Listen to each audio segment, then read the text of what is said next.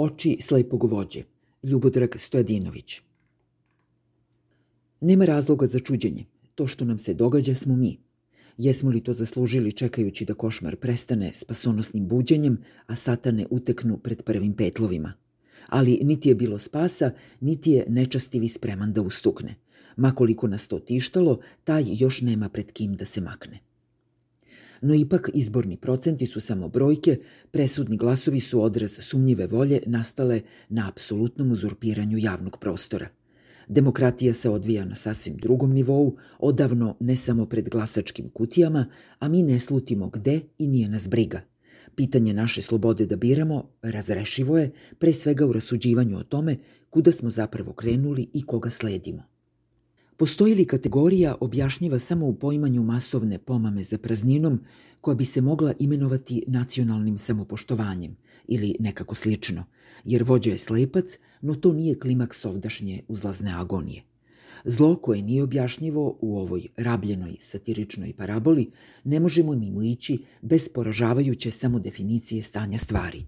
Slepac naime vodi slepce koji se doimaju sasvim ushićenima u svom ambijentu tmine – Daleko sam od namere da se ovde bavim kreativnom doradom Radoja Domanovića, jer je on to već rekao vođen sobstvenim beznađem i depresijom. Ali političko slepilo, makoliko bilo endemsko, poslednjih je meseci u Srbiji evoluiralo u model neobjašnjive ekstaze pred nečim što ne postoji. Pomamu za vođom ovde valja pojmiti kao emotivni zanos dela izgladnelog puka pred objektivno priglupom političkom opsenom – Ništa što je pobednik obećao nije ostvarivo, ali u tome je i suština totalitarnog agitpropa. Ne brini za laži, one stižu kasnije. Svi koji su popadali kada su im se vratile bezočne, slepe obmane, tvrdo su verovali da su izuzeti od sudbine svih šarlatana i vrdalama. Nada u iskustvo da ništa ne traje večno ne može nam biti uteha, jer se naša večnost ubrzano troši. I to tako što ovoga puta trećinska većina Srbije velikodušno ustupa sudbinu svih nas u opasne ruke, kojima rukovodi još nepouzdanija glava. Sklon sam da ne prihvatim definiciju stanja u javnom prostoru kao medijski mrak. To je verovatno vedrija vizija teškog apsolutističkog zagađenja. Tmina se ne odnosi samo na medije, jer je mrkli mrak naš prirodni ambijent – a iz njega je prirodno izgmizala besramna apologetska kolonija medija koju neguje i gaji predmet njihovog divljenja lično.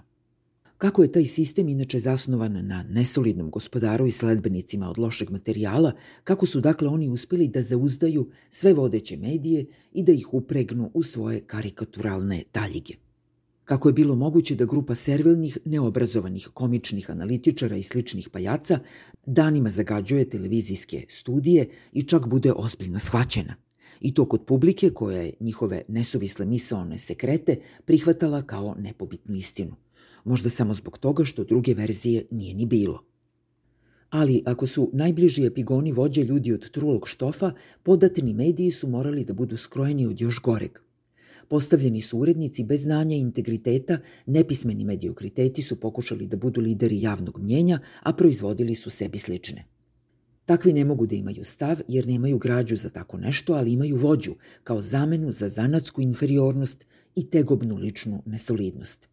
Vodeće novinarstvo pretvorilo se u odvratnu apologiju. Javni servisi su isključili drugačije mišljenje kao jeres – Gledali smo samo jedno lice i pokazalo se da ono nije bilo svima podjednako odvratno. Pojavili su se ugledni podanici sinekuristi koji su reveransom pred gospodarom overavali svoju ništavnost. No, da li je gašenje bilo kakve nade bilo izborna neminovnost? Rekao bih da nije. Otvoreni mediji bili su uslov svih uslova da se krene bilo gde. Naravno, to je opšte mesto i poznata stvar, ali takmaci na izborima su opisano stanje razumeli kao kamenjenu moć, protiv koje ne umeju i ne mogu da se bore. Nesavršeni i ruševni sistem Vučićevog agitpropa ipak je funkcionisao savršeno. Misleći ljudi nisu verovali u bilo kakvu reanimaciju gebelsizma, a ona se ovde dogodila u svojoj divljoj verziji. Analiza poruka pobednika pokazuje evoluciju prividno dobrih ideja do njihove nakazne suštine.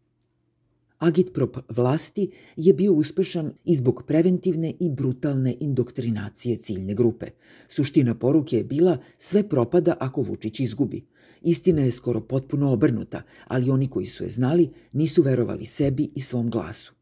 I sada je pred nama AV, predsednik vlade, predsednik države, šef svih tajnih službi, predsednik vladajuće stranke, većinski vlasnik medija, brat većinskog vlasnika Srbije.